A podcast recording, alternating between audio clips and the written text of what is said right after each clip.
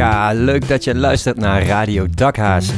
Aflevering nummer 19 en de derde met het thema survival. Ja, ik hoef denk ik niet uit te leggen waarom we dat thema hebben. We hebben supermooie items, we hebben er drie. De eerste is van Elja over een heel bijzonder toernooi.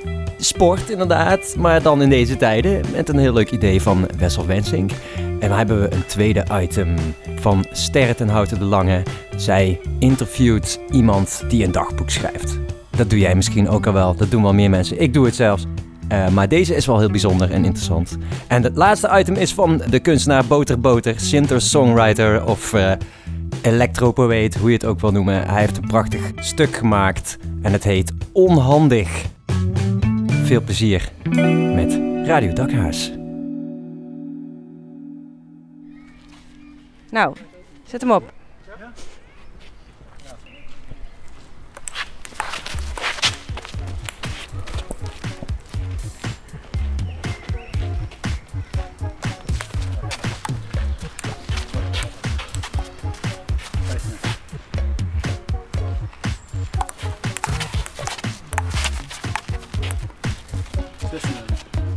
Hoe zorg je in coronatijd voor lichaamsbeweging, sociaal contact en een spannend avontuur?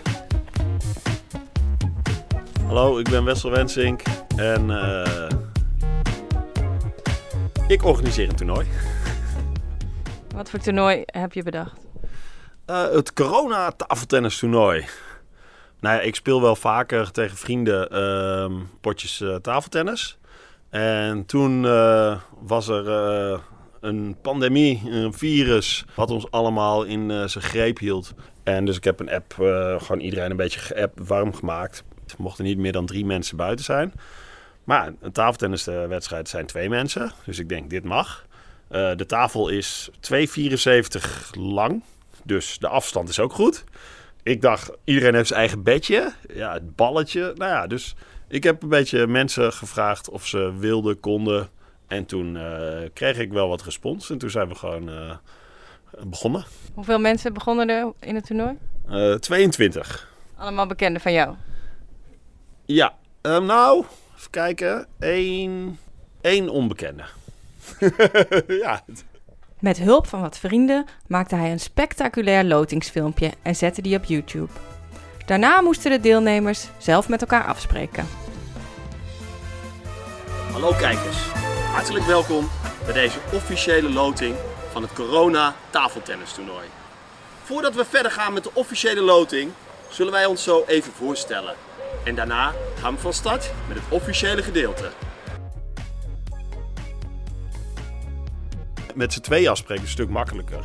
Dus ik dacht, ik ga gewoon iedereen een nummer geven, zodat ze gewoon zelf kunnen kijken wanneer ze willen. Ik heb hier de 22 gekwalificeerde deelnemers liggen.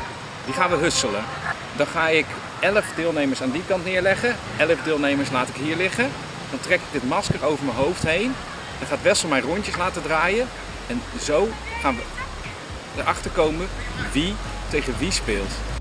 Ja, zo wordt het makkelijk. Is het makkelijk voor iedereen? Heel lekker makkelijk. En hoe zit het met de prijzen? Ja, nou, ik vind altijd dat uh, mijn motto is altijd: als we allemaal willen winnen in de wereld, dan hebben we een probleem. Dus uh, je moet ook uh, willen verliezen of kunnen verliezen. En ik vind het ook heel leuk als mensen denken: yes, ik heb gewonnen, ik krijg een prijs. Dat je dan geen prijs krijgt. Dus bij ons krijgen de verliezers krijgen een prijs. Um, die, eigenlijk moet iedereen die, als je speelt, neem je gewoon een cadeau mee. En win je, dan geef je je cadeau weg. En uh, heb je ook het idee dat jouw initiatief voor meer samenhorigheid heeft gezorgd in de quarantainetijd?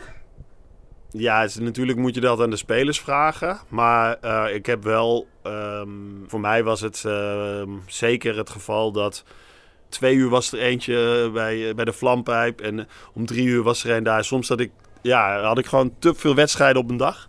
Dus fiets ik gauw heen en weer, want ik vond het wel leuk om te kijken. Maar je ging wel overal bij kijken? Ja, je bent natuurlijk... Uh, ik heb mezelf omgedoopt tot directielid van de Corona Tafeltennisbond. Dus ik, ja, dan moet je wel een beetje een oogje in het cel houden natuurlijk. Dus nu het EK niet doorgaat en de Olympische Spelen... heb je eigenlijk gewoon je eigen sportzomer gecreëerd? Ja, zeker. Mij heeft het gewoon gebracht dat ik uh, ook in thuisblijftijden nog Ja, iedereen, ik denk dat iedereen dat wel een beetje had. Hè. Mensen gingen weer allemaal appgroepen opstarten of waren allemaal, weet je, je had digitaal veel contact. Maar bij mij was het ook gewoon een manier om wel mensen te zien, nog steeds. En om gewoon ook eh, lol te hebben. En ehm, ik denk zelf, ik zou eigenlijk iedereen willen uitnodigen om wanneer je een idee hebt, gewoon doe het. Doe dingen die je leuk vindt, die je interessant uh, vinden. En uh, ja, zorg, zorg dat je goede, leuke mensen om je heen hebt. En dan komt het altijd wel goed. En natuurlijk ging ik kijken bij een van de spannendste wedstrijden uit het toernooi.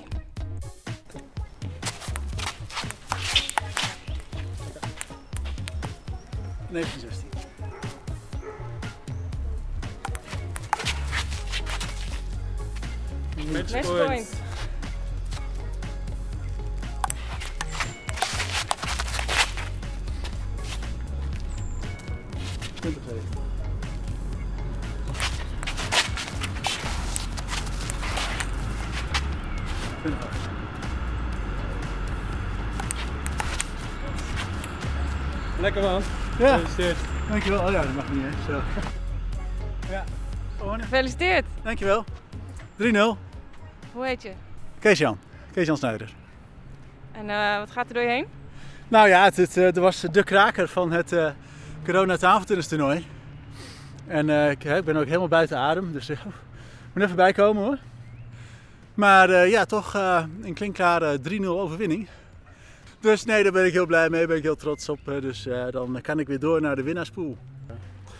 Het ging gelijk op, maar helaas, ik zal met mijn start tussen de benen uh, zo meteen weer uh, af moeten druipen. En hoe vond je het om mee te doen aan het toernooi? Ja, superleuk. Hoe ben je verder de quarantaine doorgekomen? Uh, wel goed. Ik heb er eigenlijk niet zoveel mee gedaan. Ja, gewoon lekker thuis gewerkt. Maar nou, dan was dit natuurlijk wel ideaal. Gewoon even lekker bewegen. En, dus, ja. Kom nog eens buiten hè, van je zolderkamer af.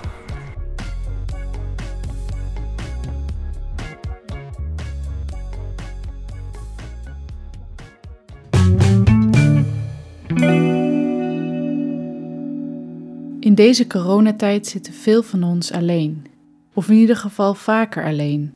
Het is een opgedrongen tijd van bezinning.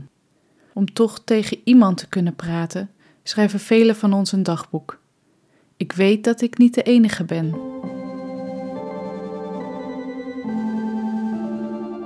Zondag 9 maart 1941.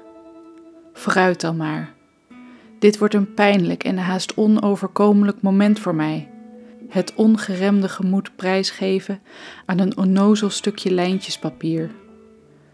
De gedachten zijn soms zo klaar en helder in mijn hoofd en de gevoelens zo diep, maar opschrijven, dat wil nog niet. In de hoofdzaak is het geloof ik schaamtegevoel, grote geremdheid, durf de dingen niet prijs te geven, vrij uit me te laten stromen en toch zal het moeten wil ik op den duur het leven tot een redelijk en bevredigend einde brengen.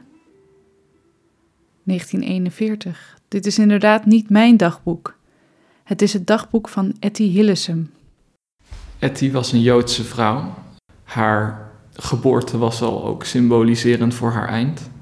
Want ze werd in 1914 geboren, Eerste Wereldoorlog, en is uiteindelijk in 1943 gestorven in uh, Auschwitz in de Tweede Wereldoorlog. Dus in die zin heeft oorlog altijd wel ook een uh, thema gehad in haar leven. Maar hoe wij vooral Etty zijn gaan leren kennen, is omdat ze in de laatste anderhalf jaar, na aanleiding van een, uh, eigenlijk een minnaar die ze had, um, nou ja, supportte haar om een dagboeken te gaan schrijven. En toen heeft ze echt in anderhalf jaar een hele hoop geschreven. En dat is dan uiteindelijk het verstoorde leven van Etty Hillesum uh, geworden. Je hoorde Yannick van den Ende. Hij is een student aan de Vrije Hogeschool. Hij kreeg van die school de opdracht om Etty Hillesums dagboeken te gebruiken als inspiratie voor eigen dagboeken. Het geeft een hele intieme kijk in haar leven en een van de meest mooie aspecten in dat schrijfproces, wat ze uiteindelijk had en wat voor mijzelf dan ook zo inspirerend is, is dat ze steeds meer haar diepste zelf vond door dat reflectief schrijven. Door zo'n dagboekstuk toen te schrijven, dan ontdek je eigenlijk meer van, ja, wat wil ik nou eigenlijk en wat heb ik nodig? Waar heb ik behoefte aan? En dan kom je dat laagje dieper. En voor mij was dat eigenlijk de kans die dan deze tijd met zich aan meebracht. En ik heb daarom ook wel nadat ook al meer geschreven. Niet per se dan aan Etty, maar puur persoonlijk. En echt dat stukje zelfanalyse van ehm, naar mijn verleden kijken en hoe speelt dat in, in wie ik nu ben en al die weerstanden die ik in mijn leven voel. Waar komt dat vandaan? Wie ben ik? de, de, grote vragen, laat ik maar zeggen. Maar zo'n tijd als dit is wel, is wel de ultieme kans om je eens ehm, meer bezig te houden met zulke vragen. Want je zit echt veel meer met jezelf in deze tijd. En je kan je daarin dus ook veel meer met jezelf bezighouden. Het is natuurlijk wel aan jezelf om dat dan werkelijk te doen. Want toen ik meer in zo'n zombie-staat was, dan hou je je eigenlijk niet bezig met jezelf. Je houdt je bezig met een serie, de tv, alles behalve jezelf eigenlijk. Um, maar uh, dat hielp wel erg. Ja, ik, ik voelde me in zekere zin wel eenzaam. Maar um, hoeverre dat. Ik denk niet zozeer dat de coronatijd mij eenzaam liet voelen, um, maar dat ik meer ter besef kwam. Of meer dat eenzame gevoel in mezelf ging voelen door de coronatijd. Want, nou ja, een bepaald ding beschoot iets voor mij wat dit jaar is gebeurd. Was, um, dat was in begin januari. Het overlijden van mijn vader. Um, hij was wel een heel bijzonder figuur voor mij. En een beetje een, nou ja, iemand waar ik naar opkeek. Een soort rolmodel, in bepaalde zin. Als ik vragen had en ook heel vaak dingen in mezelf had, was hij het figuur waar ik daarmee naartoe ging. Want bij hem, hij leidde me altijd, hij gaf me een beetje die richting. En dus na zijn overlijding viel dat hele figuur weg, dat persoon in je leven. En ja, ik denk dat iedereen wel zo'n persoon in hun leven heeft gehad of heeft. Um, maar dat viel voor mij weg. En dan opeens, zeker in de coronatijd, zit je met heel veel persoonlijke vraagstukken en dingen waar je mee bezig bent. En dan opeens is het van, ja, dit moet ik in bepaalde zin nu veel meer zelf aangaan. Want eigenlijk was mijn vader het enige figuur waar ik werkelijk zodanig um, het mee kon delen. Op zo'n diep manier. En nou, dat viel weg. Dus zo'n coronatijd, dan, zoals ik al zei, dan kom je meer met die vragen komen in je hoofd. En daarmee ook die eenzaamheid van ik, ik kan hier niet naar hem mee. Um, en ik moet dit nu meer zelf.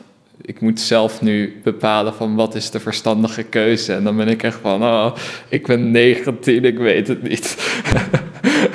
Wat moet ik? Um, maar ja. Ja, dat gaf denk ik wel ook het artikel vorm. De ontkenning van onze eenzaamheid is een mythe die we onszelf voorhouden, uit de angst er alleen voor te staan in het leven. Hierin vind je een fundamenteel verschil dat we alsmaar lijken te verwarren. Alleen zijn en er alleen voor staan. Alleen zijn is het eerder besproken feit dat enkel het individu zichzelf ervaart. Daarin zijn we eenzaam. Dit betekent echter niet dat we er alleen voor staan. Er zijn een aanzienlijk aantal individuen om ons heen die van ons houden en bereid zijn een helpende hand te bieden. Het is een dwaas en onvolwassen geloof om je door je eigen onzekerheden en twijfels te laten ontnemen wat er voorhanden ligt. Het is belangrijk om nooit in de valkuil te trappen, het leven alleen te leven. Daarvoor is ons bestaan te kostbaar. De eenzaamheid van het zijn is geen brenger van ellende. Zo hoeft het althans niet te zijn. Het is een deugd, want je bent samen met jezelf. Eenzaam is dan ook een misleidend woord om te gebruiken, want wij mensen zijn naar mijn mening een duale entiteit van gevoel en verstand. In die zin zijn we niet eenzaam. Het is immers een ongelooflijke verantwoordelijkheid die spreekt van voortreffelijke kracht om in staat te zijn een gehele individuele belevingswereld te creëren en in te zetten. We zijn onze eigen God, want alles is ons. Alles wat we zien is een weerkaatsing van ons eigen individu. Enkel jij ervaart jouw belevingswereld, hoe graag ik ook die van een ander zou willen ervaren. We zijn een leven lang gepreoccupeerd met die van onszelf. Een verzengend gevoel in mijn borstkas woekert al tijden. Ik wil mijn belevingen, die te groot voelen om alleen te dragen, delen met de wereld. Die hoop, zo diep en veelomvattend, spreekt van mijn verlangen naar een ander. Een ander om mijn eenzaamheid weg te nemen. Waarom kan ik dat zelf niet zijn? Lief Janiek. Ja, dat was Sterren in gesprek met Janiek, die zo openhartig een deel van zijn dagboek met ons deelde. Gaan we nu verder met Boter Boter, de singer-songwriter uit Utrecht, die voor ons speciaal voor deze aflevering een ja, heel bijzonder stuk heeft gemaakt. Luister maar. En uh, je hoorde items van Elja Looijenstein, Sterren ten Houten de Lange, zometeen Boter Boter. Uh, ik ben Ties Timmers. We hebben elke keer een andere voice-over bij Radio Dakka's. Dat heb je goed gehoord. Uh, dat vinden wij leuk. Wil je ook meedoen? Wil je ook voice-overen? Wil je items maken? Meld je aan bij info.dedakka's.nl En uh, tot de volgende keer weer bij Radio Dakka's. Doei!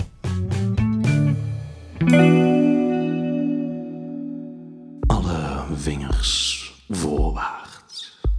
Op koers naar contact. Zij wijzen naar wat wij zullen zijn. Het luchtledige tussen onze vingertopjes krimpt op koers naar contact. Wij zullen een wij zijn.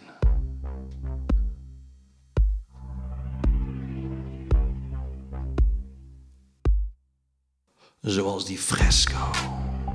Zoals de lucht tussen Adam en de schepper. Zoals de frisheid, zoals de adem van een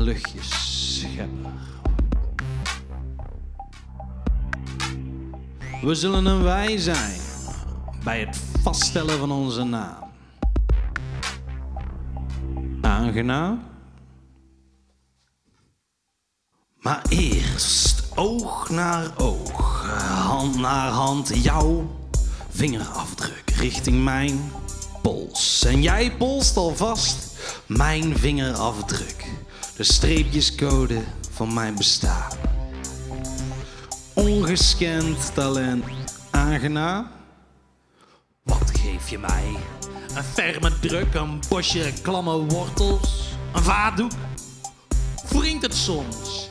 Levenslijnen kruisen, grillige ribbel, dansen op geoliede palmen. Ik voel de eelt van eerder, kolen schoppen, kantoorklauwtjes, toetsenbordtengeltjes, octaaf overschrijdende piano pinken.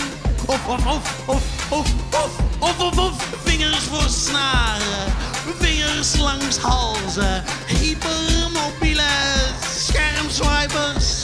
Je likt ze af, je kneedt de aarde, je kneedt je liefde. Je pakt de messen, je pakt de scharen, je gepakte gebruiksvoorwerpen. De handen van de ander. En toen dus, en toen dus, toen dus die van mij. Die eerste indruk, die eerste handdruk. Indrukwekkend. Was dat? Want ja, het was me wat. Vreemdeling of nieuwe vriend. Laat me hangen onhandig. Onhandig, vreemde opening, Kort, sluiting. stopcontact. Ja, laat me hangen. In tegenstelling tot jouw naam, want die blijft niet hangen. Je laat me staan. En we staren door de afstand. Anderhalve stap lang, ik mis exact dat waar iedereen naar snakt. En we weten niet wie we zijn. Laat maar hangen. Onhandig. Vreemde opening. kort sluiting, Onhandig. Vreemde opening.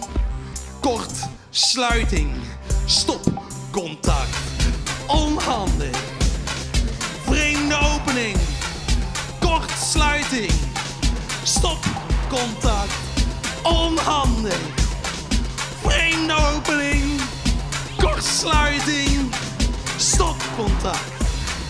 Home han